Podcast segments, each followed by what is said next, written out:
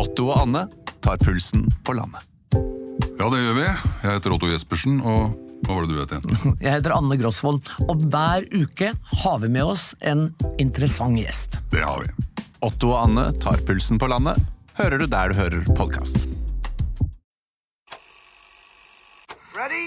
You have the cameras rolling? Was hosting boozy parties in Downing Street.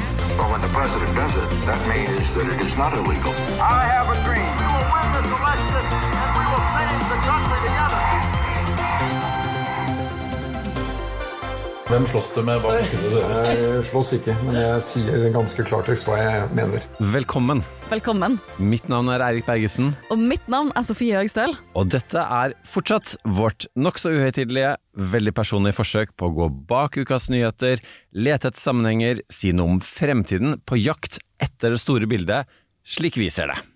Og i dag, kjære lytter, så har vi en, en superkul gjest som vi på noen måter har teaset sist, fordi du anbefalte podkasten som han er en del av. Ja. Og det er ingen ringere enn Emil Erstad. Velkommen til podden, Emil. Tusen hjertelig. Vi er så fornøyd med at du er her, for du, um, du er her for jeg har, lyst til, jeg har tenkt på denne episoden i noen uker.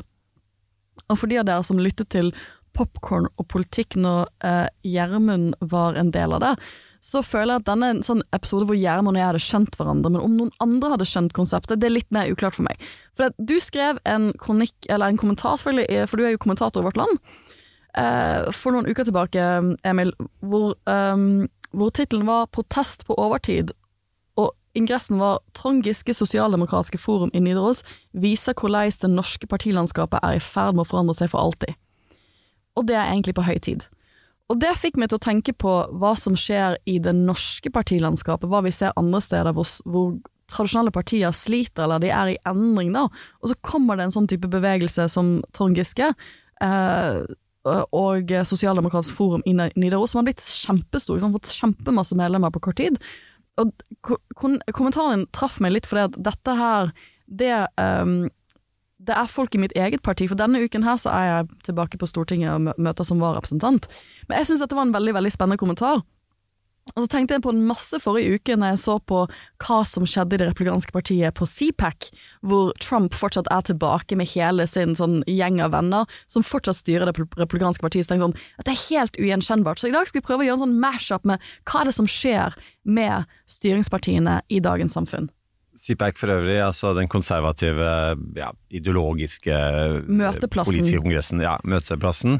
Eh, Og dette, er- altså, dette er jo din drømmeepisode, mm. Sofie. En, en, hver mashup En mashup. er jo en drøm for deg. Eh, Nå er det mashup med uh, eh, storbildet og uh, kammerset til uh, Mm. Emil André, som jeg liker å kalle deg. Hva faen, jeg er irritert på deg. Nei, ja. Det er sånn jeg skiller venner og fiender. da. Hvem som kaller meg Emil, og hvem som kaller meg Emil André. Hvis jeg ikke kjenner meg, jeg kaller meg Emil André. Det kan være at jeg, at jeg veksler på det utover eh, hvordan diskusjonen blir. Ja, men- Eh, men også en mashup mellom eh, USA eh, og Norge, Mm. Sofie. Jeg foreslo um, tittelen Tr Trump og Trump. Ja. Det brukte vi ti minutter av dyrebar eh, studiotid til å diskutere før du turte å trykke på rec. Start. Ja, vi har allerede kranglet om tittelen her, for det, det, det er Vi får se hvor vi ender. Vi får se hvor vi ender. Men vi begynner med det lille bildet. men du hadde jo òg et forslag om, om en tittel på liksom, partilandskap i endring. Og det kunne jo vært liksom, eh, tittelen på en podkast som noen kontorrotter på Nupia hadde arrangert langt inn i en Altså Når Vårt Land sitter her og gjesper Ja. over vårt Ja, eh, er- nøkterne er tabloide stil. og, Ja, det, det er og nyhetsjagerne. så Så det var eh, ti nye minutter som ble wasted uh, Mm. før vi begynte. På det. Så vi vet fortsatt ikke hva vi skal kalle dette, men la oss se hvordan diskusjonen tar oss.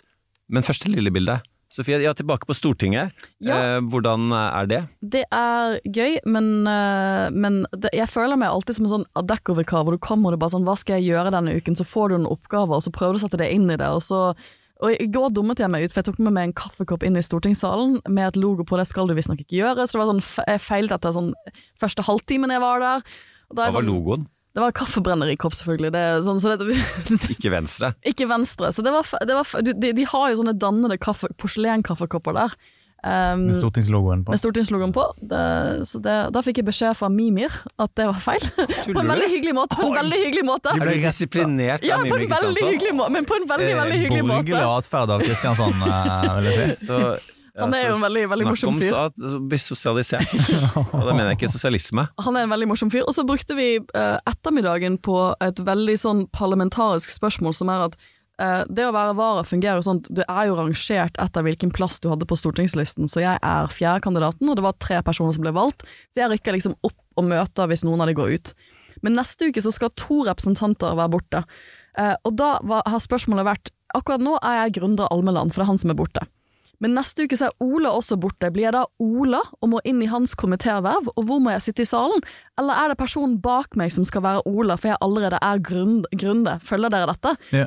Ja. Det, det jeg da lurer på er Tilpasser du deg den personen du er vara for? Absolutt. absolutt. Så du er, altså for Det er to litt forskjellige politikere vi Veldig snakker om her nå. politikere. Så Mm. når du er Ola Elvestuen, eh, er du uh, Da bruker jeg mer tid på hår, som sånn, en viss type hårstil, og så bruker jeg mer sånn håndøvelser. Ikke sant? Håndøvelsene Ola, Ola har veldig sånne kule ha, sånn hand movements. Ja, nå viser du veldig, Jeg viser det i studio, men jeg kan- jeg kan ikke vise- Det er jeg- perler for svin i en podkast. Det er det. det, er det. Men, eh, Eh, Det skulle bare ha sett. men konklusjonen er at, for at hvis jeg skal være Ola neste uke, så må jeg inn i en annen komité. For det, grunnen jeg sitter i to komiteer, og det var de jeg trodde jeg skulle skygge, så jeg har en plan for hva jeg skal gjøre neste uke basert på det.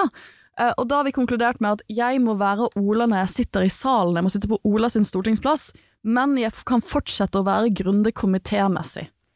Så dette har man brukt tid på. Dette må, vi, måtte jo spørre, vi måtte jo spørre sånn, Stortinget om liksom, hva er kutymene her. Liksom, er det mulig for meg å fortsette å følge Grunde sine verv hvis jeg skal være Ola i salen? Så ja, nei. Men Har Stortingets administrasjon brukt tid på dette? Absolutt, ja. Å, fantastisk. Du mistet meg på. Grunde komitémessig. Men, Men- Grunde sitter i familie- og kulturkomiteen, eh, og han sitter i kontroll- og konstitusjonskomiteen. Så på tirsdag så er det komitémøter. Mens Ola på den andre siden sitter i miljøkomiteen. Så hvis, hvilken komité skal jeg møte i da? På tirsdag når det er komitémøter, skal jeg møte i miljøkomiteen? Eller skal jeg møte i familie- og kultur- og kontroll- og konstitusjonskomiteen? Det er egentlig spørsmålet. Men jeg får lov til å fortsette å være uh, Grunde arbeidsmessig, og møte i de to andre komiteene. vi prøve å kombinere de to komiteene liksom litt sånn, med liksom, uh, ja, resirkulering i heimen, for Ja. eksempel. Sant? Det er jo en veldig sånn, den går på tvers. Altså dette, altså det er jo derfor hun liker mashups. Så det er jo Jeg, det er en mashup-uke for meg. Dette er en mashup-episode. Dette var en venstrevara-kremologi Ja. uh, uten like. Eh, Emil André. Eh, som, du- jeg føler at du må fortjene Ja, ok, Emil. ja, takk. Eh, hva har du gjort? Jeg har kjent deg i noen år nå, Erik, men eh, jeg, jeg, jeg skal fortjene den. Um, jeg, har, jeg er jo politisk kommentator, så jobben min er jo å finne ut hva sånne som Sofie egentlig driver på med. Hva som egentlig skjer i disse korridorene. Og dere har jo gjort glimrende reklame for vår podkast Kammerset, politiske podkasten til Vårt Land, der vi gir på dette. Og vi hadde jo blant annet da Bård Hoksrud, eh, FrPs eh, nestleder, som gjest denne uka. Og Eller nest, nestlederkandidat. Nei, Nestlederkandidat. Det, var det, Nestlederkandidat. han- det var det han var snakket om. Og han snakket jo blant annet om noe som har fascinert meg. da, Hvordan han eh, Egentlig en ganske stor skandale i norsk politikk eh, på den tida det kom. I Riga, dere husker denne saken her? Han sitter bak meg for øvrig i Stortinget denne uken. Jeg sitter på Grunde sin plass. Nettopp, ja. Mm. Eh, da får du hilse. Eh, og så eh, ja, Han er jo Norges mest joviale politiker. Men han er jo Norges mest joviale politiker. Så liksom, denne reisa hans tilbake til at eh, liksom Ja, for han ble tatt for uh, Sexkjøp. i Riga og, og dømt for det, rett og slett. Og på en ganske utrivelig måte, vil jeg si. Det, måten han ble filma bli dømt for sexkjøp er ganske utrivelig. Ja, jo, jo, jo, jo. Det er hele opplegget Men, men, der. om at det var en slags sånn stingoperasjon, hvor noen ville Altså, altså noen alle skulle ned i det partiet den gangen. Det virker sånn. Ja. Men eh, nei, så det, og så er det jo klart eh, Arbeiderpartiets krise er eh, min gullgruve. Som sånn yrkesmessig. Så jeg driver og, og, og snakker, og bakgrunnssamtaler, da. Eh, der, eh, der det er liksom målet å få vite mest mulig om hva som skjer, og så er politikerne informert om at det de nå sier, det eh, kan jeg Det ikke kan skrive på trykk. som- Jeg kan ikke bruke det som sitat, men jeg kan bruke det som analyse. Og inspirasjon til Ja. dine egne. Ja, fort- fortell litt om det. Altså Når du da ja, um, går bak kulissene i i Arbeiderpartiet For at folk har lyst til å prate, men de har ikke lyst til å bli identifisert. Og de har, de har ikke, altså, eh, Der er det litt ulikt. Noen skjønner den metoden veldig godt, og noen, det handler jo om tillit. sant? Ja. Eh, og egentlig så er det litt sånn etterretningsarbeid, for du skal liksom sitte deg ned og skal du prøve å få dem til å fortelle, eh, og så skal du forstå det, og så er jo jeg da ikke journalist, og så må de stole på at jeg ikke deler det de forteller til meg, med min eh, journalistkollega, eksempel Ragnhild Grongstad, Som, er en god venninne av meg. ja, Mm. som skriver de store sakene eh, sammen med de andre journalistene hos oss. Så de må jo da stole på dette, og da, da er det en sånn tillitsbasert øvelse. Og ofte så krever det lang tid før en utvikler et sånt forhold at Og jeg husker dette da jeg var politisk rådgiver sjøl. For du har jo vært i politikken selv, Ja. for de av lytterne våre som ikke vet det. Jeg antar var rådgiver for uh, Knut Arild Hareide, som er leder i KrFU. Så du har en fortid i KrF. Det har jeg. Og- Mørk fortid. Og var sentral eh, da, da KrF hadde sin, eh, sin episke eh, duell om man skulle skifte Ja. side eller ikke. Og I du var på politikk. den tapende Jeg var siden. på den, den sida som tapte vi fire stemmer, ja. Det stemmer. Uh, Fire bitre stemmer. ja. Jeg har faktisk kommet meg over det. Eh, jeg var bitter lenge, ikke bitter lenger. Men, har, men har, når du er ute og, og prater med folk, har, de- har andre kommet over det? Altså, eller identifiserer de deg fortsatt Uh... Ja, det er nok litt sånn varierende, men uh, jeg opplever jo at uh, jeg helt på et ganske bra grunnlag nå kan snakke med KrF og alle deler av KrF, og de forholder seg til meg som kommentator, ikke som tidligere spinndoktor med lumske ambisjoner. Jeg antar også at det, det som er litt spennende med det som kommentator, er at du skjønner jo politiske partier. Du har jo vært i, du har vært i harde politiske kamper selv.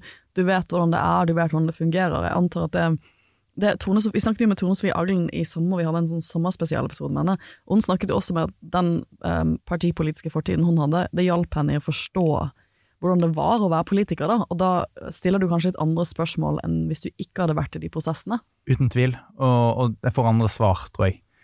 Og veldig ofte så innebærer jo det der eh, svaret at ja, men du skjønner hvordan dette er.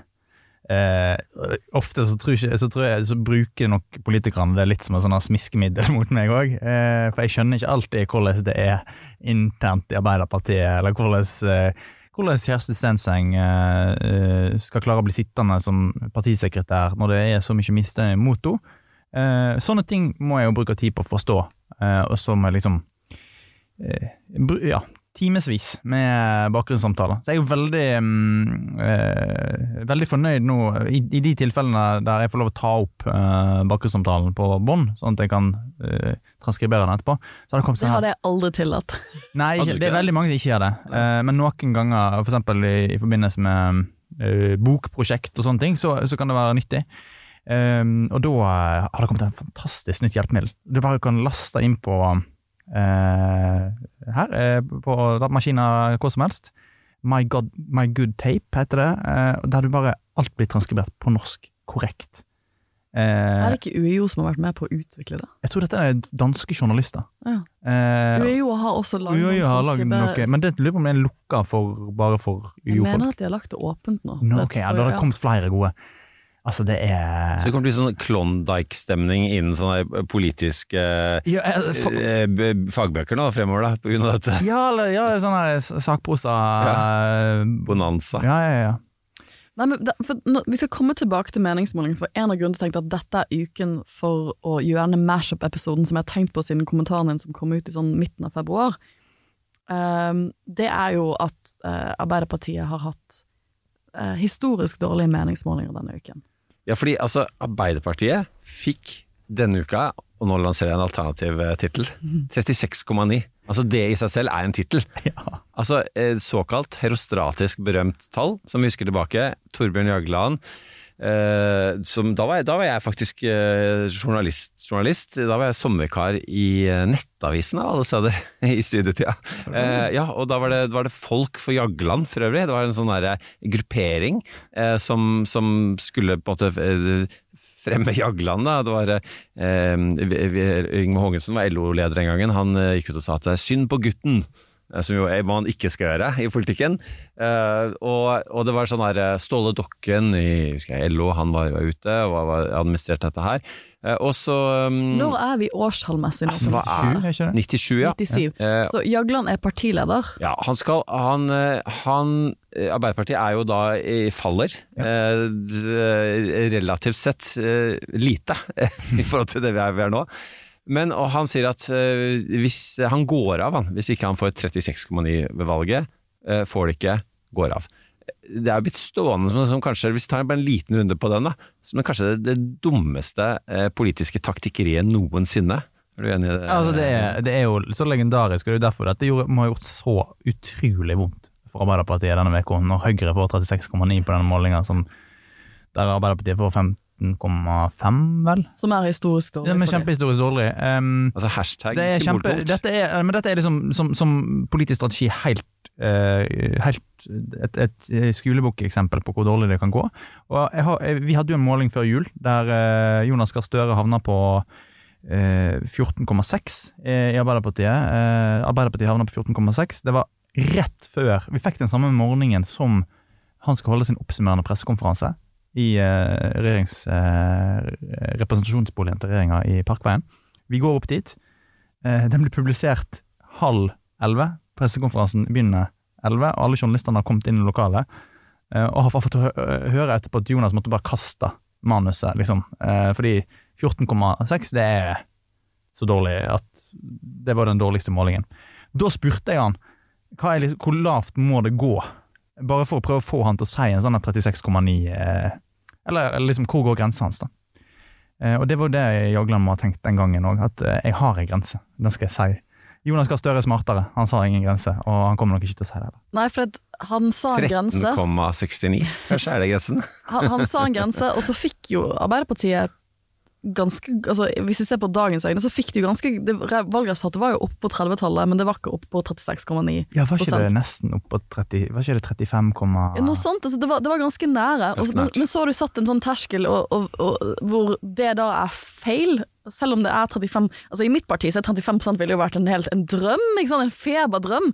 Eh, og, så, og så ender det med at han må gå av. Eh, Støre ikke ville sette et sånt tall, for nå er de i en stasjon hvor de har meningsmålinger de aldri har sett før. For det, det var ikke bare denne ene meningsmålingen fra Fri fagbevegelse og Dagsavisen hvor de får eh, 15,5% De fikk også tidenes verste måling for de i, på TV 2, og der var du også kommentert det, hvor de var ned på 16,5 eller noe sånt. da. Um, og dette er jo tall som, som eh, er vanskelig. Som sagt, min mormor var eh, aktiv i, i Arbeiderpartiet. Satt i kommunestyret i mange år i Hamar for Arbeiderpartiet. Jeg tror- ikke hun ville kjent igjen disse tallene her. Nei, det er helt grusomme tall, og jeg tenker eh, for Arbeiderpartiet Men bare, bare før vi forlater 36,9, da, så må jeg bare si at eh, Kjell Magne Bondevik er forever grateful til eh, Torbjørn Jagland for det han gjorde. For det Ja. var han som ble statsminister, eh, takket være det. Ja, for dette får jeg ofte spørsmål om fra studentene mine. Hvordan kunne han bli statsminister? Det var derfor. Det var derfor. Og det som også er interessant med det, da, da for da, var jeg, ja, da hadde jeg rukket å etter hvert å begynne å jobbe mm, på ambassaden i Washington, altså under eh, da Bondevik var statsminister. Og da ble jeg ofte spurt av amerikanere sånn, hvordan kan da en person som representerer en regjering, da, for da var det jo også Venstre og, um, og Senterpartiet med i regjeringen, eh, som, som var da til sammen under 25% eller var det sånn cirka der, hvordan kan de styre landet? Eh, og og, og det, det var jo litt vanskelig å forklare. Konsensusdemokratiet, det forsto de ikke så mye av. Nei, og så bare Det er jo helt åpenbart hvis han følger i USA. Men også, hvem var det? Det var altså da eh, Det var en arbeid... eh, Nei, unnskyld, det var en eh, Jeg husker jeg faktisk ikke hvem, hvem det var, men som var Kan det ha vært Gunnar Husan? Må du hjelpe meg her. Ja, ja, altså En av statssekretærene til Som var pressestatssekretæren den gangen. Som, K, ja. som, som da hadde, de, var, de var de i Latin-Amerika, eh, og så ble, sagt, så ble, det en eller annen eh, leder som hadde sagt sånn han har sikkert et veldig bra forhold til militæret. Stemmer det. ja. altså, han pekte på eh, Bondevik og sa at han ikke må ha et veldig De hadde forklart hvor lite oppslutning de hadde, og så var liksom konklusjonen at dere må ha et godt forhold til militæret. Eh, Men det, det, det interessante er at grunnen til at eh, studenten, min, mine 20 år gamle studenter i Statsrett nå stiller det spørsmålet, er fordi at vi gjør Bondevik når han eh, velger å stille kabinettspørsmål eh, i året 2000. eh, så, og- på gasskraftsaken. på gasskraftsaken. Og det er litt sånn historisk, for det er ikke så mange som har gjort det. Eh, men det gjorde han. Um, og da, det sånn, da har mange vært sånn Men, men denne regjeringen her, det ser jo helt sykt ut! Og Arbeiderpartiet og de andre partiene, hva sto, hva, skjedde, hvordan fikk vi dette her? Men da skal jeg si at da har jeg gode kilder som sier at det, er, det var som, det var denne dynamikken som skjedde. Altså, jeg tror ikke Bondevik hadde blitt statsminister i 1920 uten 36,9 ultimatumet til Jagland. Ja. Og, og hvis vi da spoler frem til dagens Arbeiderparti, så vi har jo snakket om Arbeiderpartiet før, og jeg merker jo at jeg har jo um, Jeg, jeg, jeg syns jo det er veldig spennende å følge Arbeiderpartiet, for det, er- det er jo et, har jo vært et norsk styringsparti, og nå er de i en, en, en um, situasjon hvor, det er, hvor det er litt ugjenkjennelig for de av oss som har vært aktive i norsk politikk og har forholdt oss til Arbeiderpartiet, det som skjer nå. Og det du, hvis vi eh, bygger en bro da, til, um, til den analysen du gjorde i, um, i din kommentar, kan du fortelle oss litt hvorfor du mener at det er på høy tid at partilandskapet i en norsk kontekst forandrer seg? Ja, bli- Eller blir forandret av denne bevegelsen til Trond Giske? Først av alt så må jeg ta en sånn perle for svin-greie. da. Tegningen til denne kommentaren er vel så god som kommentaren, vil jeg bare si. Det er et bilde av Trond Giske som er tegna der han driver og maler over logoen til Trondheim Arbeiderparti, sånn at det bare blir stående Trond Arbeiderparti. Så det er i, i, det er i stil med din, ditt tittelforslag til episoden. Men ehm, eh, til, det, til hvorfor det er eh, på tide, så er, er, det, er det ingen tvil om at stadig færre i den norske befolkningen er, er med på å bestemme hvem som eh, styrer landet vårt. Eh, og det handler ikke om valgoppslutning. Den er jo relativt eh, litt varierende, men ikke så ille, liksom. Eh, ikke kjempegod og ikke kjempedårlig. Eh, men det som er kjempedårlig, det er hvor mange som er med å bestemme mange, hvem som skal eh, stille til valg, hva som skal være partienes politikk. Altså hvem er medlemmer i de politiske partiene, og enda viktigere, hvem er aktive medlemmer i de politiske partiene. Og det er jo i, i, i 1989 så var det 16 eh, av befolkningen som eh, regna seg sjøl som betalende medlem av politiske parti. De ble bare spurt, og så svarte de ja, jeg tror jeg betaler. Eh, I 2008 så var det 8 eh, og i I eh, 2017 så var det 7 og av disse så hadde det gått fra 3 til 2% som var aktive medlemmer. Det er altså en så liten del av befolkningen at det er ikke det, det, det er her er det snakk om en elite, eh, og den eliten er det bare eh, Det er bare latskap som gjør at folk ikke eh, kan Altså, det er bare å melde seg inn, så kan du være med i den eliten. Den er åpen for alle. Og det er jo det Trond Giske har skjønt. Det er jo det som på en måte gir, gir hele det Nidaros sosialdemokratisk forum så utrolig interessant, fordi han har vist eh, vanlige folk, ofte folk som mange kanskje omtaler som sårbare eller ressurssvake, da, altså ressurssvake grupper. Eh, folk som går på Nav og har andre utfordringer i livet. Han har vist at her er veien inn i politikken, dere kan være med å påvirke. Eh, og så gir han Nidaros Sosialdemokratisk Forum til en maktfaktor internt i partiet, og viser jo egentlig hvor sårbart det norske partidemokratiet er for den type initiativ. Og etter at folk har sett dette i Arbeiderpartiet, så tror jeg at eh, sjansen for at det dukker opp i Senterpartiet, Frp, Høyre, andre partier, er ganske stor. Eh, og jeg tror at dette er dette ble, har blitt etterlyst i mange år. Hvordan kan vi åpne opp det norske partidemokratiet for flere? Ola Borten Moe tok til orde for at eh, vi skal endre på valgsystemet ved at eh, det skal handle mer om hva person du stemmer på, enn hva parti, eh, sånn at folk kan være med og påvirke mer.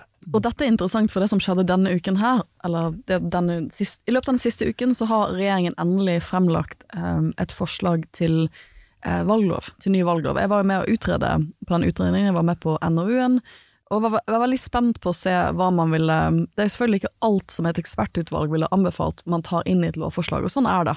Og så jeg var veldig spent på å se hva blir sluttversjonen, hva er det som de skal foreslå til Stortinget. Og en av de tingene vi var ganske unisont enige om i utvalget, det var at det skal være et større innslag av personstemmer i stortingsvalg. Det vil si at eh, når du går inn som velger i et valglokale, så skal det at du gir en person et ekstra kryss, da, et litt ekstra plusspoeng, det skal faktisk ha noe å si for hvem som sitter på Stortinget, i større grad enn det det gjør i dag. I dag har det ingenting å si. Du, det ser ut som du kan gi folk ekstra kryss og sånne ting, men det har ingen påvirkning. Det er mulig, det, det skal så mye til. Det, det er Det er jo 50% av velgerne i den valgkretsen som Noe gjør sånt. Det, det, det, det, det er i praksis helt umulig um, å, å endre rangeringen på en stortingsliste. Og forslaget, og det syns jeg er fair, for uh, utvalget, vi som utvalg sa litt sånn at enten fjerner du det, for akkurat i dag ser det ut som du har en innflytelsesmulighet, det har du ikke. Det er, det er uærlig. Det er grunnleggende uærlig. Enten må du ta det helt bort, eh, eller så må du innføre noe hvor du er en forsiktig mulighet til å påvirke. Dette har vært oppe på Stortinget ganske mange ganger som forslag, og blitt nedstemt hver eneste gang. Um, og jeg ser nå at i lovforslaget så har man gått for at det ikke skal være noe personstemmer i det hele tatt, og ta det bort. Helt bort. Helt bort. Og det er Det er mindre, mindre, mindre, mindre. involvering. Dette Ja. var jeg ikke klar over før du sa det Og det, og det synes jeg, dette, kom, dette har jo ikke fått så mye oppmerksomhet ennå. De skal fremlegge, jeg skal på et sånt møte 24. mars hvor de skal fremlegge dette her, eh, og liksom med litt gamle folk i utvalget og, og statsråden og sånne ting. Men jeg syns det er interessant, for det går jo rett det, det rett inn i det du sier. For jeg glemmer jo Jeg vet jo at disse tallene eksisterer. Det var noe vi tenkte mye på i valgutvalget, at det er en såpass liten elite som er aktive i partier. Eh, jeg vet at det er sant, men når du ser tallet 2-3 så, så blir man jo sjokkert. For det, det er jo sånn som det norske valgsystemet fungerer, så er det jo den lille eliten. Og du og jeg vet jo at innad i partiene så er det en enda mindre elite som faktisk bestemmer hvem som skal stå på stortingslisten, for eksempel. Um, og da blir det et demokratisk problem, for da er, da er vi på vei inn i situasjoner hvor eh, partiene ikke nødvendigvis speiler det som er en, en, en, en, det som er tankene i befolkningen. Da vi får store blindsoner partimessig. Og da, Derfor syns jeg kommentaren din var så interessant, for det at den peker på Jeg tror mange har lyst til å eh, problematisere selvfølgelig det, det, som Giske gjør, har gjort gjennom dette forumet, men jeg syns det er interessant fra et sånn grasrotmobiliseringsplan. Er det med på å eh, modernisere og ta med folk inn? Dette har vi snakket om i mange tiår i Norge. Er dette en måte å få mer vanlige folk inn i politikken på? Ja, så er det jo klart, det er En annen interessant eh, dynamikk her er jo denne entamentaliteten. da, At det er veldig lett å bare gå inn, eh, men å opprettholde det er veldig vanskelig. Og Min spådom om Nidaros Sosialdemokratisk Forum Det heter faktisk Nidaros Sosialdemokratisk Forum. Eh, liten fun fact. Eh, det, det, eh, det, det er Thomas, det er alle fun facts. Ja, ja, ja, det, er, det er at liksom, så snart hverdagen treffer, med saksliste, møteinnkallinger, uenighet Og de kommer jo til å bli uenige om ting i Nidaros òg, eh, fordi så mange som de er, så vil de jo ha ting de etter hvert blir uenige om. For eksempel vindmøllene på Fosen. Jeg lurer veldig på hva Nidaros Sosialdemokratisk Forum mener om vindmøllene på Fosen, for der tror jeg det er ganske stor uenighet. Eh, budsjett, andre traurige organisasjonsgreier som de skal gjennom, så, så muldrer det opp, og så endrer det form. Eh, og det så vi jo med disse her eh, FNB og bompengepartiene. sant, altså Vi har ennå ikke sett det med den der eh, eh, Pasientfokus. De sitter på Stortinget eh, fortsatt. Men det òg er jo et eksempel på en sånn mobilisering som dette. Der var det en sårbarhet i, eh, i det norske partisystemet. Ved at eh, i Finnmark trenger du ikke så veldig mange stemmer for å komme inn med mandat. Pasientfokus, altså de som vil ha sykehus i Alta, de samla masse, mobiliser, mobiliserte masse folk i Alta. Og fikk eh, en representant inn på Stortinget som ah, faktisk var med på eh, avtalen om Ukraina-støtte, så sto alle partiene oppstilt, og Pasientfokus sto der. Rødt sto der ikke. Og, men det jeg syns var interessant med det, var rett etter valget i 2021, så ble jeg jo så fordi at jeg hadde vært i valglovutvalget, så ble det en diskusjon om det var veldig ille at Pasientfokus, eller udemokratisk at Pasientfokus kom inn på Stortinget når de hadde så få stemmer bak seg. Og det synes jeg var Jeg valgte å takke nei til å være en del av de debattene eh, når debattredaksjonen ringte litt, for jeg hadde jo vært med på det valget selv som kandidat, og da er det rart å plutselig være der i en annen type rolle, en sånn type ekspertrolle. Men jeg syns jo det var en vakker demokratisk drøm. Her har du en del folk som har vært sånn Vet du hva, vi er veldig sinte over den ene tingen som skjer i vårt lokalsamfunn, og så har de organisert seg, og så har de stilt til valg. Det er jo det vi har lyst til at folk skal gjøre, eller det, det er jo en av de tingene vi har lyst til folk skal gjøre i demokratiet vårt. Eh, men så da kommer litt sånn den eh, Og jeg ser jo det perspektivet også, men da kommer jo litt den sånn Nei, vi trenger store styringspartier. For har vi for mange sånne enkeltbevegelser, så vil ikke Stortinget fungere. Og der er jo litt debatten. Ja, og, og det er klart, det er det som skjer nå, det er det vi ser nå med Arbeiderpartiet, og derfor dette er veldig urovekkende. Eh, nå vet jeg jo at Kjersti Stenseng for eksempel er veldig fornøyd eh, med at eh, Hun er ikke fornøyd med Trond Giske, tror jeg. Det tror jeg ikke så mange i Arbeiderpartiet som er. Men eh, jeg, jeg vil tro jeg er veldig fornøyd med den, det engasjementet Nidaros Sosialdemokratisk Forum har klart å skape i partiorganisasjonen, av politikkutvikling og sånne ting. Og Sånn sett så er det jo dette noe partiene kan bruke da, til å, å opprettholde sin posisjoner og liksom det der styringspartigenet. Men eh, en forskjell da fra de partiene vi diskuterer nå, som er altså ensakspartier, eh, som, eh, og, og for så vidt andre ensakspartier som eh, MDG, Frp sin tid, som har vokst og blitt, blitt mye større og etablert seg i partilandskapet, eh, er jo at eh, Giskes parti representerer jo først og fremst den ene personen, mer enn kanskje saken. Og, og det kan du, du kan gå til en Macron i, i Frankrike, kan gå til Trump i USA, som også er veldig personorienterte. Eh, og fordi det er åpenbart på hver sin måte dyktige politikere i den forstand at de klarer å samle eh, mange rundt seg om det, budskapet de står for, eh, så er jeg ikke sikker at man får det, hvis de store partisplittelsene heller.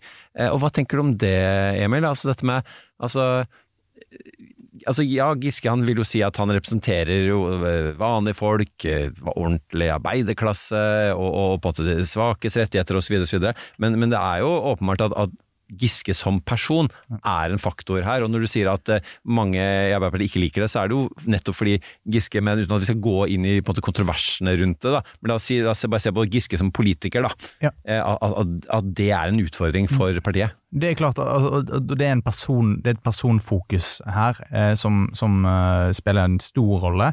Eh, og det personfokuset det er jo ganske utbredt i norsk politikk. Det, vi, ser, vi ser det jo på en måte altså, Høyres suksess nå, hvorfor de er på 36,9, det handler jo veldig mye om ett ord, og det begynner på E og slutter på Arna. Eh, og, og, det, og det er denne personen. Det er ikke, det er ikke nødvendig, og det er en politisk idé man knytter til denne personen. Eh, som, som Høyre-folk er veldig tydelige på, det var at de har drevet valgkamp på denne personen. Eh, At det, Erna er stjerna. Erna er stjerna, Erna på disse bussene, Erna på disse plakatene, og folk der ute sier vi kan stemme på Erna. Når du begynner, ber folk forklare hva det er, og du ber Erna Solberg forklare det sjøl, så er det litt mer utydelig kanskje hva er det prosjektet, men uh, er det noe nytt? At vi har personfokus i norsk politikk?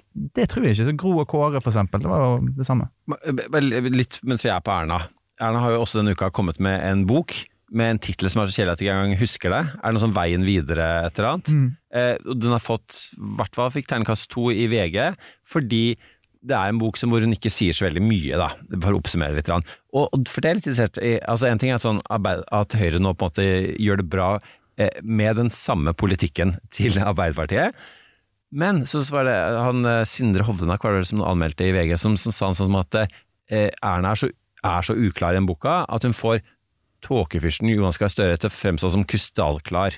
Og da lurer jeg på å, så, ok, så Høyre adopterer både politikken til Arbeiderpartiet, og de adopterer måten du formidler politikken på. Så det at, eh, For det, nå er ikke lenger altså Nå er det plutselig ingen forskjell. Nå er eh, Erna og eh, Jonas like uklare, eller for å være litt hyggelig med styr- styringspartier, da, de, de så, så kompromissfulle at, at det er litt vanskelig å se eh, tydeligheten i det. da. Forklar det. Altså, hva, hva, er, hva er det da ved Erna? Hun er ikke klarere enn Jonas. Er hun, er hun mer smilende, blid, jovial? Er det, er det jeg et altså, sånn menneskelig nivå der som, som hun appellerer på? Hva er Uten tvil. Jeg tror det er et menneskelig nivå å appellerer på. eh, Og, og det er en slags eh, nostalgi fra at hun styrte eh, under korona og, og fikk veldig mye tillit. Hun har en annen Hvis du ser Erna Solberg få kritiske spørsmål på, fra en journalist, eh, så er det en helt annen tone, et helt annet ansiktsuttrykk enn Jonas Gahr Støre. Alle som har møtt Jonas Gahr Støre, vet at han er veldig hyggelig, sosial, jovial, men han blir veldig stiv foran et kamera når han får et kritisk spørsmål. Og det tror jeg er en kjerneforskjell mellom de to, eh, og som gjør at mange eh, eh, Men eh, det var for øvrig veldig interessant å se den anmeldelsen til Hovdenak, for den hadde akkurat samme tittel som når han anmeldte Sindre Finnes sin bok. Eh, Altså Og samme karakter. Gjespende kjedelig. Ja. Jeg, men jeg, jeg tenker jo at uh, Erna Solberg skal være gjespende kjedelig nå. Hun er i en situasjon hvor hun har mye personlig tillit, hvor partiet hennes er utrolig stort for å være Høyre. Uh, skal, nå skal hun bare trygge dette inn til kommunevalget i, i høst. Men jeg er kanskje litt ja, jeg har ikke lest boken, men det jeg syns er interessant, er at hun lanserer jo også et politisk prosjekt her. Og det er hvordan skal vi finansiere velferdsstaten, som er, det er ikke noe nytt fra henne sånn sett. Hun er mye tydeligere på dette er sånn, nok en mulighet til å si at det viktigste for henne nå, det er folk i jobb. Det er bærekraft, det er for folk til å stå lenger i jobb. Det er bærekraft eh, for økonomien og statsbudsjettene våre. Og det appellerer jo selvfølgelig litt til meg, det gjør jo det. Eh, men det jeg syns er interessant med Erna, er at eh, jeg vil si at for meg så vant hun valgkampen 2017. Da var vi i forskjellige partier, da er jo du fortsatt i KrF, Emil. Jeg står på stand for Venstre. Og som mange andre tenkte jeg at denne, denne valgkampen taper vi. Eh, her har Arbeiderpartiet kommet opp på helt høy, sinnssyke høye målinger eh, i sånn type sånn desember 2016, og bare skal de cruise inn til en seier her. Men jeg, jeg mener at hun vant den valgkampen da de gjorde en sånn NRK hadde en sånn statsministerduell. Som jeg er veldig lite fan av at de gjør, men jeg skjønner hvorfor de gjør det. De, for vi har jo ikke, vi har ikke et presidentvalg i Norge, vi har ikke presidentvalg hvor det er to duellerende parter, men de, de hadde da en debatt med de to, hvor de, eh, hvor de fikk debattere forskjellige temaer, Jonas og, og Erna, og så gjorde de sånne hjemme hos-reportasjer. og hva var det som var hjemme hos Erna? Det var Sindre, altså ektemannen, som også er veldig jovial og veldig likende, som viser uh, de rundt i et ganske rotete hus, eh, litt sånn rotete og slitt hus i Bergen. Uh, og, og, og, forteller om at ja, nei, når Erna blir litt sånn sur og, og vanskelig, så gir han henne lakrisbåter. Der vant hun det valget. Hun var så menneskelig. Kunne, altså, det var kjedelig, det var menneskelig, men samtidig menneskelig og solid. Men det var ikke, ikke like, han var ikke like jovial da han var på Twitter, eh, for å si det sånn. Det er en grunn til at han ikke er på, på, på, på Twitter. Altså han, var, da var han jo eh, plutselig hardt ute, og Ingunn Solheim som uh, fikk unngjelde, som ja. for debatten en gang. Så, så, ja, så, men, men, da tror jeg mange var sånn Det er en ektemann som ikke likte at sin, eller glad i kona si, ja. og det er også veldig menneskelig. Ja. Uh, jo, det, jo, men det, det, er jeg inne på nå. Det var, bare, det var bare et eller annet For alle mine venner i Høyre har vært sånn Nei, valgstrategien vår for 2017 er at Erna er stjerna. Jeg husker tenkt sånn, det kommer ikke til å funke. Mm. Men de vant det valget. Jeg, klart, jeg, jeg, tror, jeg var jo en del av den valgkampen som eh, politisk rådgiver for eh, Hareide, så jeg var jo i det spillet der. Du var veldig tett på. Ja, og, og en ting som jeg tror uh, Hvis jeg skal si hva Erna vant på den valgkampen, så vil jeg òg jeg vil òg legge, og det tror jeg sjøl uh, Sigbjørn Aanes har gått rundt nå og tatt æra for i flere år. og Det er liksom, det var jo en ganske målretta negativ kampanje mot Støre eh, i det valget, eh, som litt sånn ut i august der, at eh, Ånes og hans eh, folk begynte å trykke hardt på, som var veldig effektiv. Eh, og som, som, var med på å snu eh, valgoppslutningen. Men, hvis vi kommer tilbake til dette med personpolitikk, for dette er jo ofte en de, blir oppstilt som en av de klassiske, eh, på, altså, klassiske tingene i norsk politikk. At vi har ikke vært så personopptatte, vi gjør listevalg i Norge. Du går inn i et valglokale, og du stemmer ikke på et person, men du stemmer på et parti. Mm. Uh, og så er det jo de som problematiserer at vi har blitt mer persondrevet. Men jeg er jo litt enig med deg at det har alltid vært liksom, Gro Harlem Brundtland var et ikon. Uh, min mormor hadde henne hengende oppe på veggen sin som en sånn lederstjerne.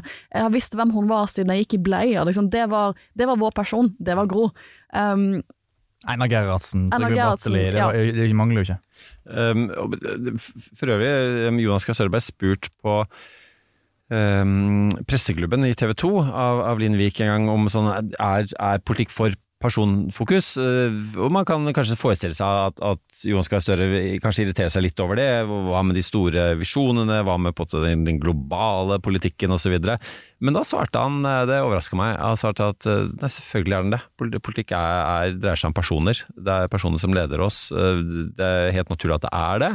Det var litt interessant uh, å, å, se. Og det er jo Og så skal vi også uh, ta med oss Det er også litt viktig når vi snakker om disse tallene, og vi får sånn idé om at nå er liksom Arbeiderpartiet på sånn evig fall, men, men, det kan jo snu. Uh, Meningsmålinger snur jo, og Johan Skar Støre har jo hatt Han har jo vært som partileder på over 40% Erna Solberg, med, det måtte jeg minne Sigbjørn Aanes om da han var gjest på Norske tilstander på TV 2, har vært på under 10 med Sibjørn Aanes som spinndoktor eh, og Erna som, som, leder. sånn at det, det, det, dette kan jo gå opp og ned, og det er veldig mye kriser i verden om dagen. De henger sammen. De vil ta slutt eh, på et eller annet tidspunkt. Sikkert bli erstatta av nye kriser. Men, men, det er klart at eh, eh, Vi om, begynte å snakke om at om er det en grense for Jonas Gahr Støre. Spørsmålet er jo er det en grense for Arbeiderpartiet. Mm. Altså Nå går de nok antakeligvis mot et dårlig eh, valg, i kommunevalg nå til høsten. Så er spørsmålet på en måte er, er, Orker de å gå mot noe som de da kanskje vil være et, et, dårlig eh, stortingsvalg, eller er det liksom da på tide å skifte ut mannskap og bygge opp nye folk, type eh, diskusjon da, i Arbeiderpartiet? Og ja. den, Den diskusjonen blir iallfall tydeligere og tydeligere, med god grunn. Og så tror jeg også at Når vi snakker om styringspartier, så snakker vi jo, har vi alltid snakket om jeg tror Når man ser andre steder i verden også, så er jo styringspartier de pleier å ha til felles at de forener ganske mange forskjellige motstridende interesser, og så greier de å balansere det på en eller annen måte.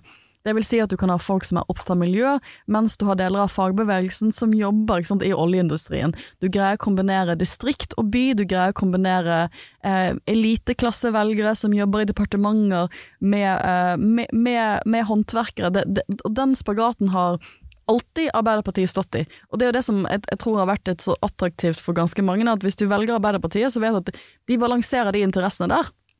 Mm. Og det er litt jobben deres, og det er derfor de eksisterer som parti. Hvis de ikke greier å gjøre det, når de, når de ikke greier å gjøre det lenger, det er da styringspartier er ute og kjører, for da faller den koalisjonen litt fra hverandre internt i partiet. Og det er jo sånn, for at altså, jeg er jo medlem av Norges eldste parti, eh, som pleide å være et stort parti. Som pleide Pleide å være et styringsparti. som pleide å være et styringsparti, eh, og, og ikke er det lenger på noen måter. Og det eh, um, Jeg er ikke noe sånn Hæ? venstre... ikke Venstre et styringsparti? Nei. Uh, jeg, jeg, man kan gjøre mange analyser av Venstre, men en av de tingene som unektelig skjedde med oss, var at vi ble så splittet at vi hadde et lønnsmøte hvor halvparten av partiet gikk ut over EU-spørsmålet i sin tid. Og vi har aldri greid å komme oss etter det. Og det må jo være marerittet for hvis du sitter i Arbeiderpartiet nå, at kommer vi til å splittes, altså kommer vi rett og slett til å revne som parti på grunn av at vi ikke greier å Vi kunne ikke forene de som var veldig mot EU, og de som var veldig for EU, i, den krisen der. Vi greide ikke å forene de to fløyene. Det revnet. Kommer Arbeiderpartiet til å greie å holde på alle disse forskjellige fraksjonene som har vært, en, en, som har vært hjertet av Arbeiderpartiet, da? Jeg tror det. Eh, jeg tror den store spå... eh, altså, jeg er kan jo skrive dystre kommentarer om Arbeiderpartiet, men jeg tror at det det handler om nå, er det økonomi. Altså, it's the economy stupid. Eh, fordi i begynnelsen av januar så pekte pilene litt lysere på inflasjon, prisstigning, eh, rente og den type ting. Arbeiderpartiet kom seg litt igjen etter en ganske heftig desember. Så i slutten av januar, så eh, eller begynnelsen av februar, så begynner det igjen å, å melde seg ganske dystre prisstigningstall. Og Arbeiderpartiet begynner å synke som en stein. Og Det er liksom, det er økonomien her. Og Nå sier SSB at sannsynligvis så er vi tilbake på inflasjonsmål i løpet av neste år. Sånn sett så er det jo et håp for Arbeiderpartiet der, da. Jeg tror økonomien er veldig forklarende. Og det, det, det, det, tror jeg er et viktig poeng, Emil. For at økonomi er enda viktigere forklaringsmodell ved valg i eh, USA eh, enn det er i, i Norge. Og det var nok ikke økonomi som gjorde at Bondevik hadde så mye å si for Bondeviks eh, regjeringstid, verken på den ene eller den andre måten. Men, men, og så tror jeg også det er lett for folk som jobber med ja, media og kommunikasjon, som jo vi vel begge eh, Emil, er, midt oppi, og liksom bruke det som forklaringsmodell.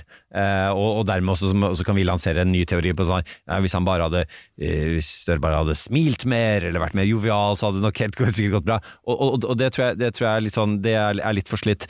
Men så er det jo det store spørsmålet.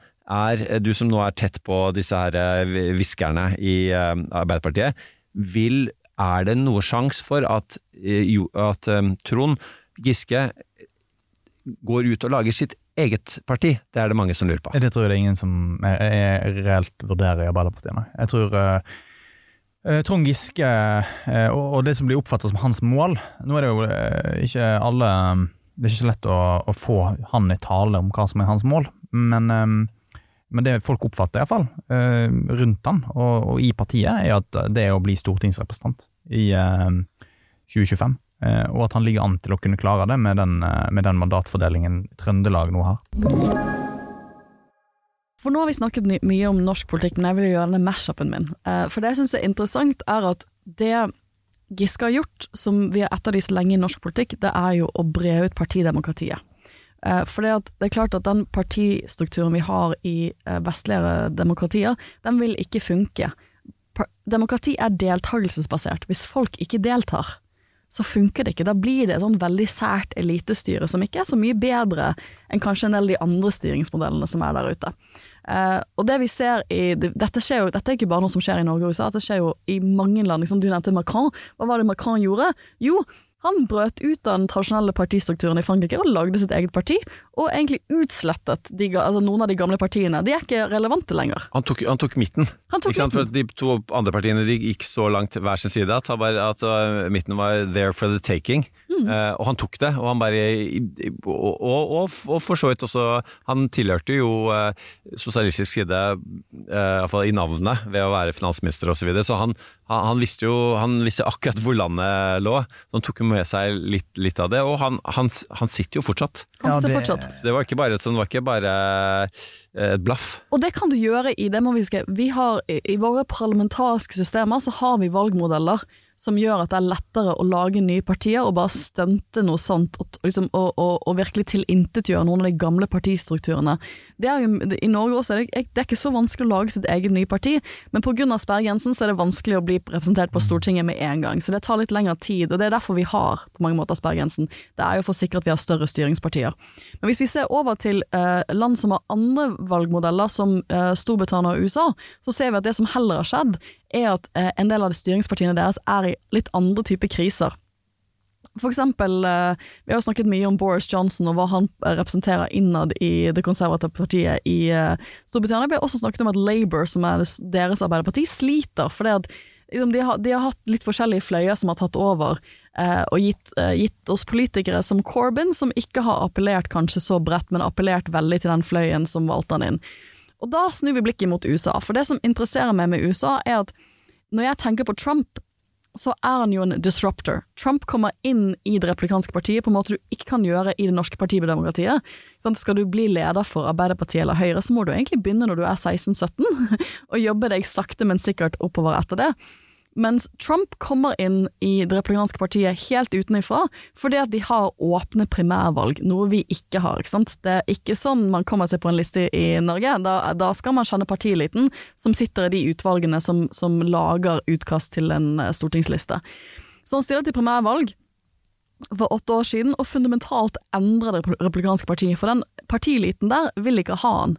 Men det han gjør, er at han mobiliserer en del folk, en del grasrotvelgere, inn i det republikanske partiet som de ikke har nådd før, som gjør at han ikke bare vinner primærvalget, men han blir også president eh, et år senere. Det er eh, veldig interessant, for det er interessant å spole eh, åtte år frem i tid og se at eh, på tross av at han nå har tapt ganske mye, så, han, så har han fortsatt disse grasrotvelgerne, og han har omformet partiet i sin ånd.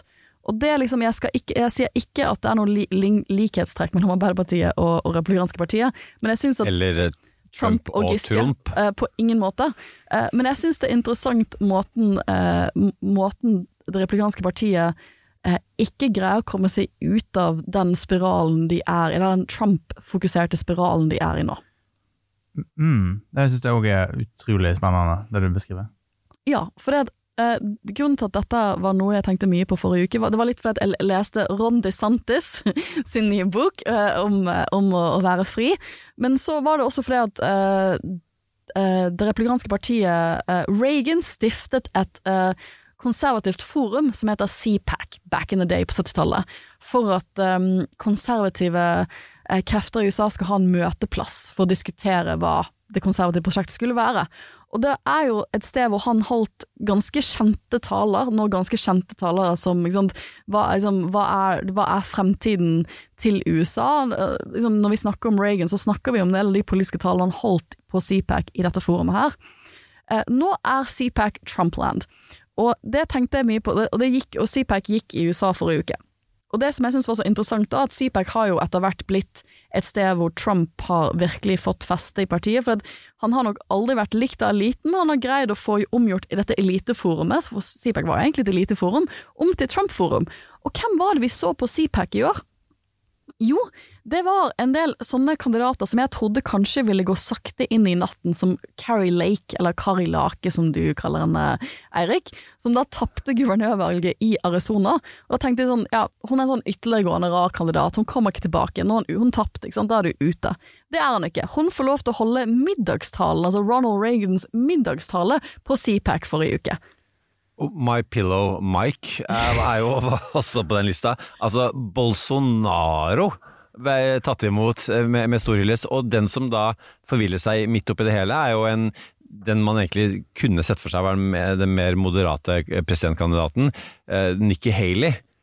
For Nikki Haley at hun må jo ha Trump-velgere. Skal, skal, kunne vinne, eh, skal hun vinne primærvalget til neste år, så må hun ha noen av disse Trump-folkene. Og ikke, ikke bare Jeg står hun på talerstolen der, men det hun sier på den talerstolen der, er jo at woke er en pandemi som er verre enn korona.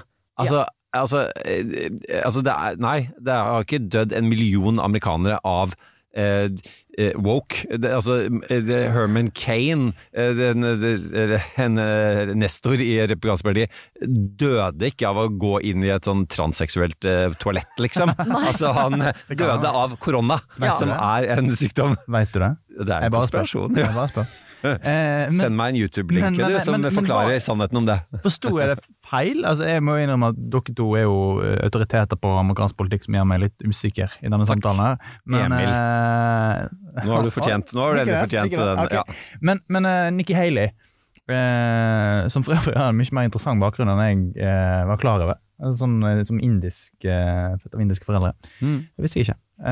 Hun har en veldig spennende bakgrunn. Veldig spennende. Eh, og, og, og, men hun var ganske kritisk mot Trump i denne talen hun hadde i, i, på CPEC.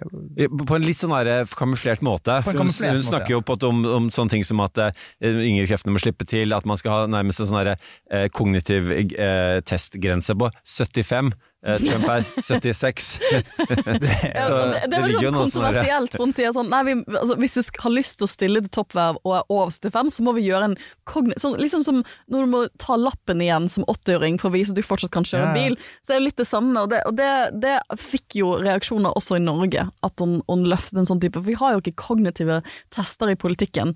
Um, jeg syns også det var for meg sånn- et sånt bilde som kommer til å oppsummere CPAC for meg, er at Carrie Lake avsluttet sin middagstale med å kysse et portrett av Donald Trump.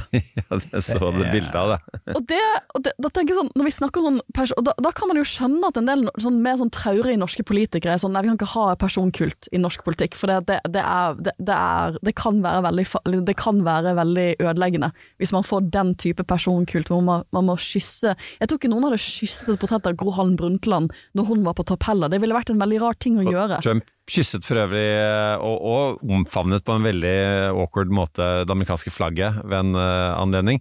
Men altså, det, det med personkult er interessant, og det er jo du som er uh, tross alt er grunnlovsjurist, uh, Sofie. Altså dette med altså, Grunnloven i USA, som jo vi baserer vår på, er jo bygd i utgangspunktet, og ikke minst med, med disse valgmennene, da, den opprinnelige funksjonen, for å unngå at nettopp demagoger, eh, drevet av personkulter, skal trumfe styringspartienes eh, rolle i å på en måte ha eh, store universelle kompromisser, da. Eh, og, og det er jo på en måte og du kan si at, eh, at det, det negative, da, uansett med, med en sånn eh, Også i, i norsk politikk, eh, er, er jo når et personfokus blir styrende.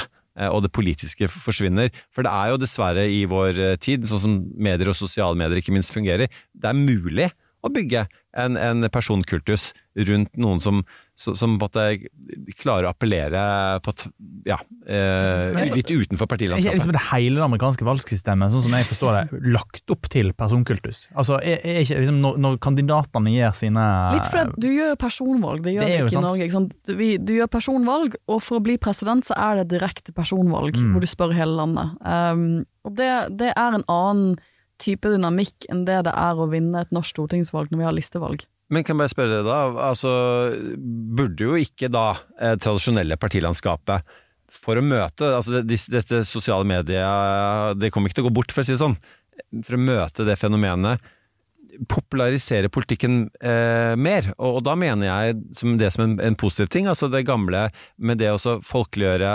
eh, snakke om ting som folk er opptatt av, på en måte de lytter, eh, og, og, og det, er, altså er, det er jo åpenbart ting man kan lære av eh, Trump. Altså, han når ut til folk som hadde gitt opp partipolitikken, som følte seg fremmedgjort. Eh, og, og også igjen uten å sammenligne med Giske i seg selv, men, men han også han, Det er jo til til og med folk som, som da melder seg inn i, i, i hans lag, eh, og, og ikke forstår at de har også meldt seg inn i Arbeiderpartiet, og som protesterer. Ja, men jeg er jo jeg er ikke i Arbeiderpartiet, hvorfor har jeg fått brev fra Jonas Gahr Støre? Jeg er jo Senterpartimedlem, jeg! Eh, og så videre. Vårt Land hadde den saken. Eh, Ragnhild Grungstad som det. eh, skrev. Eh, eh, jo, og jeg, jeg, jeg leste 'Tillitsmannen', Einar Gerhardsens bok 'Tillitsmannen', uh, i går tidlig. Uh, når jeg sto opp. Jeg lå jo på sofaen og leste 'Tillitsmannen'. Fordi Som man gjør. Ja, Som politisk kommentator. Som politisk kommentator. Det, hvis dere ser for dere livet til politisk kommentator, så er det cirka sånn. Um, og der, der er liksom Det er veldig mye av det som står der, som Trond Giske gjør. I, i, i, eh, bortsett fra kanskje liksom poenget med det der å sette seg sjøl At du bare er et middel. At du ikke, du er ikke målet. Eh, der kanskje kan det hende at Trond Giske har et annet syn på sin rolle i, i dette. Men det er ingen tvil om at Tillitsmannen, eh, sånn som den ble skrevet i 1934, eller hvor tid det var, eh, den, den er ikke tilpassa den virkeligheten vi har. Den der, den der sosiale medier-virkeligheten. Så det å, det å oppdatere de, de idealene fra den gangen til en, en eh, så digital uh, enter-mentalitet som vi har i dag. da. At, at, det handler ikke om De som melder seg inn i Nidaros uh, sosialdemokratiske forum, de, de gjør det lett, for de kan gjøre det på Facebook, og så bare trykke inn, og så er det, det er veldig sånn kort og konsist, raskt. Uh, vanskelig å opprettholde over tid. Men hvordan kan du utnytte det engasjementet på, på den, må, det, den formen for engasjement i et parti, i en struktur som som allerede eksisterer. Det tror jeg ikke partiene har løst. Nei, og det, det er jo det sentrale problemstillingen i vår tid. Mm. Hvordan fornyer vi de, uh, den måten vi organiserer? For parti, politiske partier er jo en måte å organisere politisk politikk på. Det er en måte å organisere politisk engasjement. Og det er litt det trekk Det er, sånn, det, er jo det, det, er jo det alle disse partiene vi snakker om, uh, har jo det problemstillingen at hvordan balanserer du eliter i et parti? For du må ha noen partieliter som, som, uh, som, som lager de kjedelige sakspapirene og passer på at det er en dagsorden, og at det er landsmøte, og at delegatene får sånn og sånn stemmer. Det må jo være noen prosesser rundt det. Og det, man vil alltid nok nødvendigvis måtte ha en del partiliter med grasrotengasjement, og et åpen nok løsning hvor, hvor, nok folk føler at her er det lett og lav terskel å melde seg inn og være aktiv. Sånn. Så den eh, elitisme versus grasrot som Trump har spilt på veldig, uh, veldig suksessfullt. Det var jo sånn han ble presidentkandidat i 2016. Jeg er ikke, jeg er ikke det republikanske elitesystemet. Jeg er, dere er min grasrot, og jeg er dere, og jeg skal inn i Det hvite hus for å representere dere. Og igjen, hvordan balanserer du populisme hvor du uh, For jeg vil si at alle politiske partier har en grad av populisme. Du skal jo høre på velgerne dine, du skal jo høre på det folk er opptatt av, versus kjedelig, traurig 'nå skal vi styre landet i et hundreårsperspektiv'-politikk. Uten tvil. Eh, og, og, og, det med populisme der er jo kjempeinteressant. Eh, hvis du tar for eksempel eh, han eh, Trygve Slagsvold Vedum for valget i 2021, eh, så, så var, fikk han veldig mye kritikk av sånne som oss. Altså venstrefolk, meningsfolk i media, kommentatorer. Men det, er, det, han gjorde, var jo på en måte òg å, å, ta inn over seg den virkeligheten vi har i dag. Da. og han, hans populisme den var jo ikke det var jo ikke Orban eller Frp eller den kjipe Det var en ganske inkluderende populisme Trygve Slagsvold Vedum sto for før valget i, i, 2021. Og det kan vi godt kritisere, at han gjorde det for enkelt, og at det ble for vanskelig å, å oppfylle dette når han kom inn i, inn i regjering eh, i, etterpå. Men, men, at han gjorde de grepene for å, for å nå ut den velgermassen som fantes før det valget, det har jeg på en måte mer forståelse for. Og, det, det, er jo åpenbare forskjeller her også, men en, en uh, likhet da, med, med Trump og, og, Vedum er at uh, fordi det, det noe, altså Populisme innebærer en type sånn forenkling, da, og noen ganger også, også um, skaper liksom, tilsynelatende et valg mellom A og B, og du må ikke velge A, du må velge B, og så vent nå litt, er ikke dette litt mer sammensatt enn som så? Uh, og Trump er jo Altså, han er jo eh, mangemilliardæren. Eh, hvor, hvor rik han er, er vanskelig å vite. Han er ikke så rik som han sier han er, men som har, har tjent den formuen på å bygge gullbelagte bygninger med navnet sitt på toppen. Han er den lille manns forsvarer. Det er jo helt absurd i, i, i en tilværelse hvor, hvor USA sliter nettopp med økende forskjeller med fattige og rike. Altså de, de, de, det er jo det er ikke Hollywood-stjerner, eh, som, som, han sier, eh, som representerer eliten. Det er jo veldig veldig rike mennesker som tar mer og mer av eh, de fattiges eh, penger. Som er, altså Han er jo egentlig fienden. Eh, og du kan si også eh, Trygve Slagsvold Vedum òg er jo altså Senterpartiet er jo egentlig et styringsparti i alle kommuner nesten i landet så er de et styringsparti. De har, de største styringspartiene. Ja, de har ordføreren, og, de har, og på riksplan har de jo alltid klart å, for de har vært så pragmatiske, å dytte seg selv inn i regjeringer på den ene og på den andre siden av politikken. Eh, og, og Pluss at, at og, og, og, de har jo er jo eh, godt representert i altså i um, styre og stell i Oslo, og det at man, man det er parlamentarismen som, og, og, representativt demokrati som gjør at, at, at uh, ting styres fra Oslo. Men de har klart å gjøre en sånn og de Oslo-elite-greie da, uh, på en sånn som er tross alt litt misvisende, uh, for å si det forsiktig, i forhold til hvordan politikk egentlig er. Ja.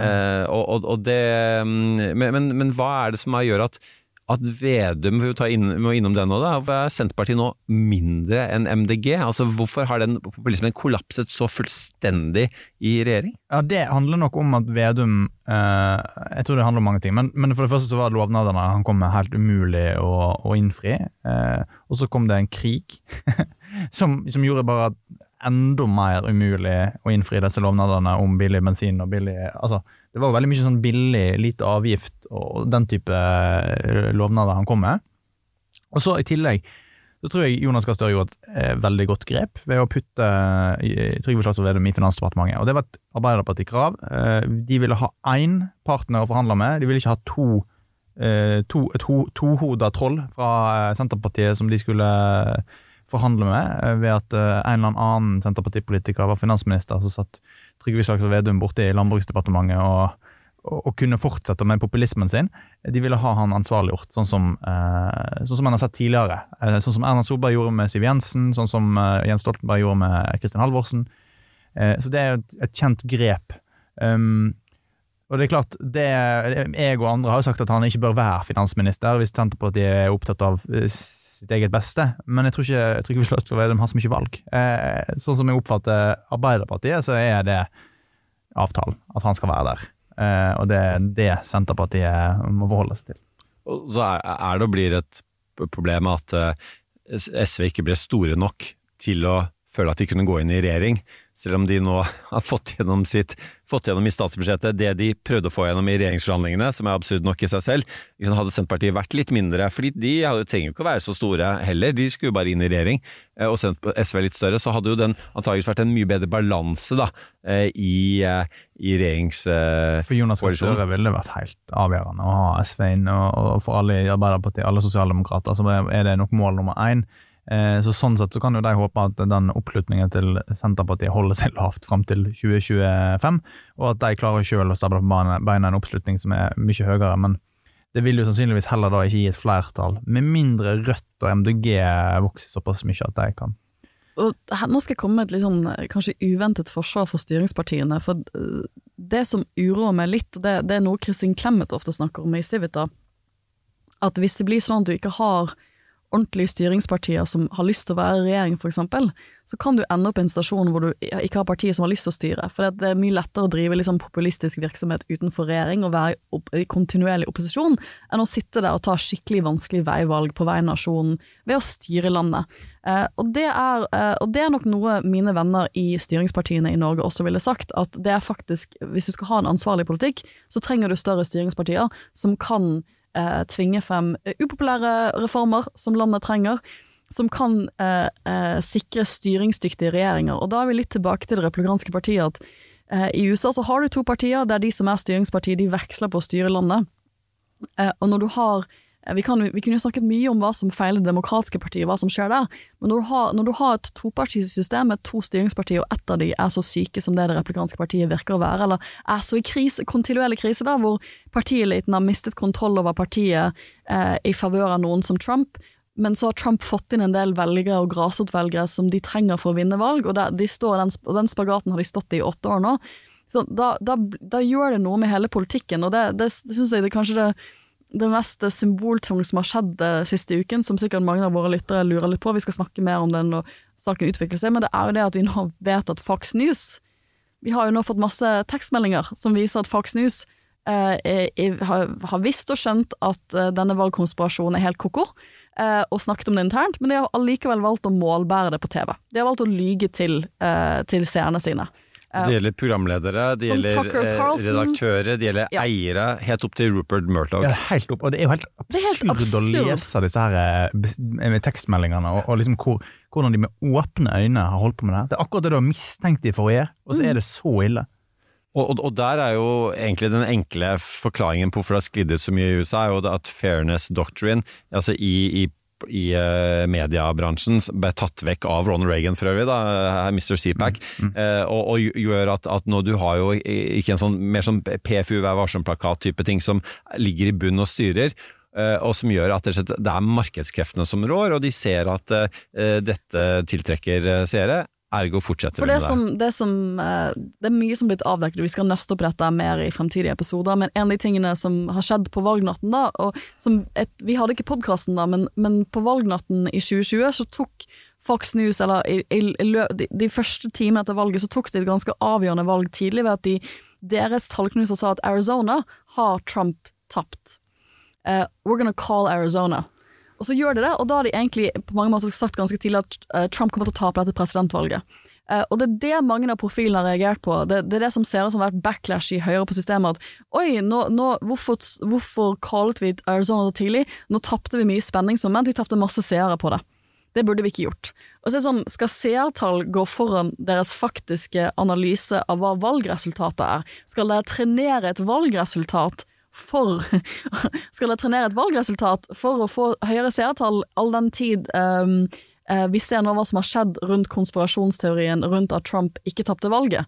Det er, jo, det er jo helt livsfarlig. Det er jo, det er jo på en vanskelig å finne bedre argument for en fri og uavhengig presse. Da. Eh, og at problemene med amerikanske medieinstitusjoner, en del av de, spesielt eh, denne eh, Fox News, at det er ikke tilstrekkelig fritt og uavhengig. Eh, altså når, når, når en tenker så kommersielle hensyn eh, i redaksjonelle vurderinger, så er det jo helt ute å kjøre. Det er det ingen grunn til å stole på det. Det, ingen, eh, det skaper mistillit, det skaper polarisering.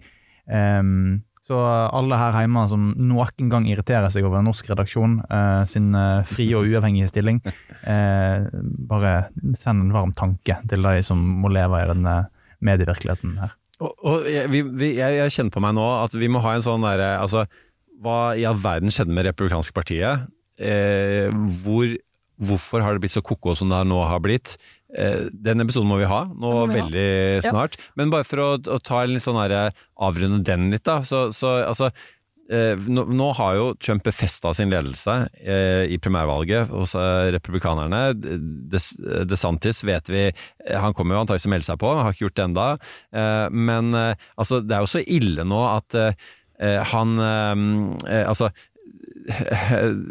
Ja, altså, vi vet jo hva Trump sa da Bill O'Reilly i Fox spurte han om Ja, du, Putin, han er jo, han er jo en morder. Og Trump sa ja, men hva med USA, da? Vi er jo myrda, vi òg.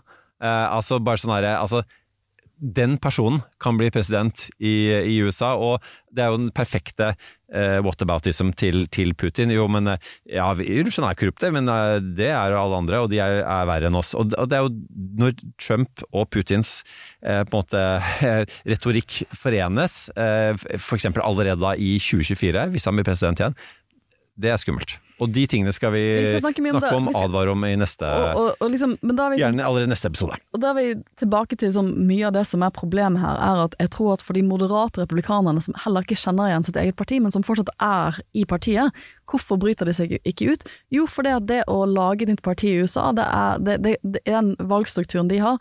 Det er ikke som Frankrike, hvor du da kan gå frem som Macron gjør og vinne et valg basert på etterpå. Du kommer nok til å tape presidentvalget i mange år hvis du skaper et nytt parti i USA. Men hvis du gjør partiet til et Trump-parti, da risikerer du at Trump bare tar med seg ballen og løper hjem. Ikke sant? Altså, han kan ødelegge hele det republikanske partiet han, ved valget nå. Hvis han ikke vinner primærvalget, så er det bare å lage Trump-partiet, og så så er det valget ødelagt for eh, republikanerne. Mm, og da er vi tilbake til partier i forskjellige typer kriser, eh, tillitskriser i Vesten, og at selv om ikke det norske partilandskapet er der ennå, så er det jo ting som skjer nå som er veldig spennende, som vi skal følge med på tett i det store bildet i ukene som kommer.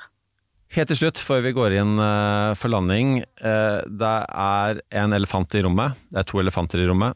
Eh, vi må bare ta. Dere begge, Sofie og Emil André, nå skal jeg være litt streng, har jo begge vært aktive i et småpartier, Mm. ikke styringspartier.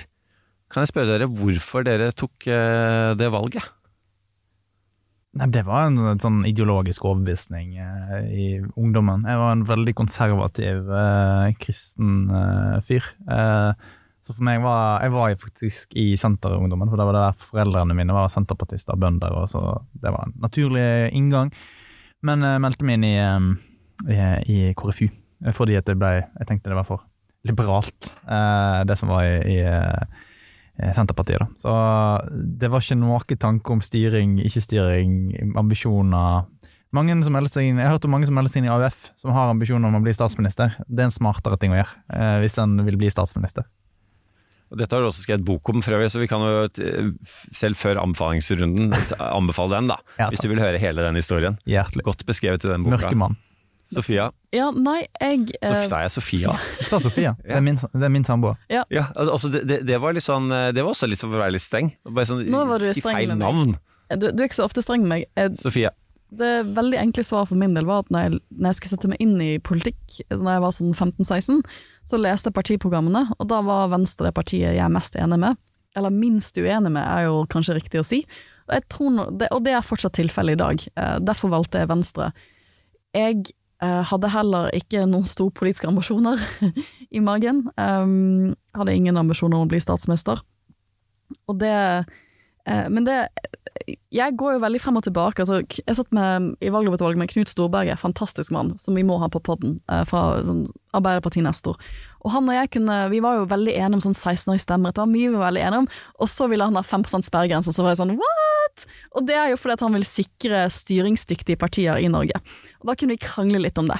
Uh, og jeg kan være veldig sånn jeg, jeg, jeg, tror at vi skal ha et partimangfold, og da må vi ha noen store partier.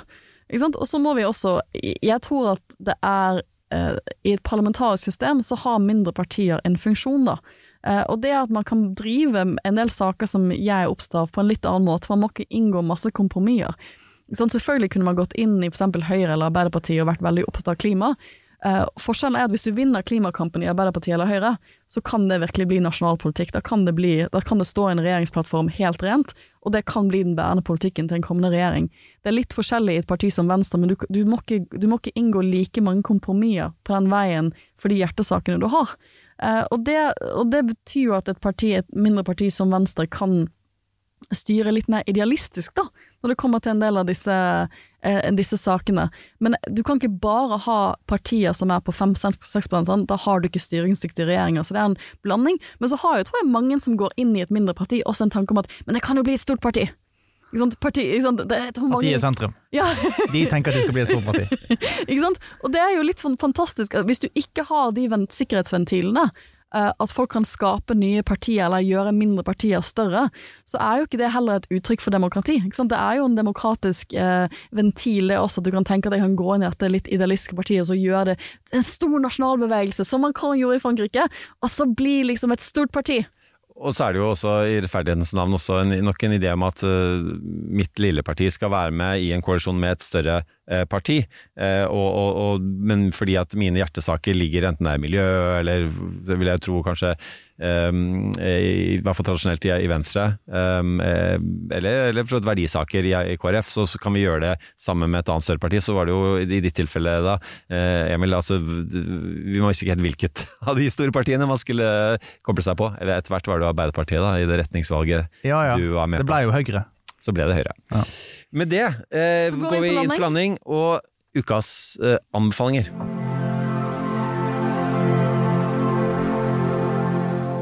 Eh, vi pleier å anbefale rett og slett uh, gjøre anbef ukens anbefaling. Ja. Um, og jeg skal bare google fram. Vi kan jo begynne Vil du begynne Skal vi se Jeg kan begynne, jeg. Mm -hmm. uh, jeg kan begynne denne uken her, for jeg har en anbefaling som jeg faktisk har spart på siden jul.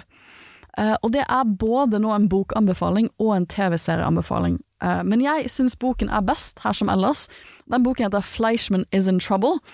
Uh, så, som er en uh, bok av en veldig dyktig tidligere um, Jeg tror New York uh, Magazine-skribent som heter Taffy Brodester Ackner.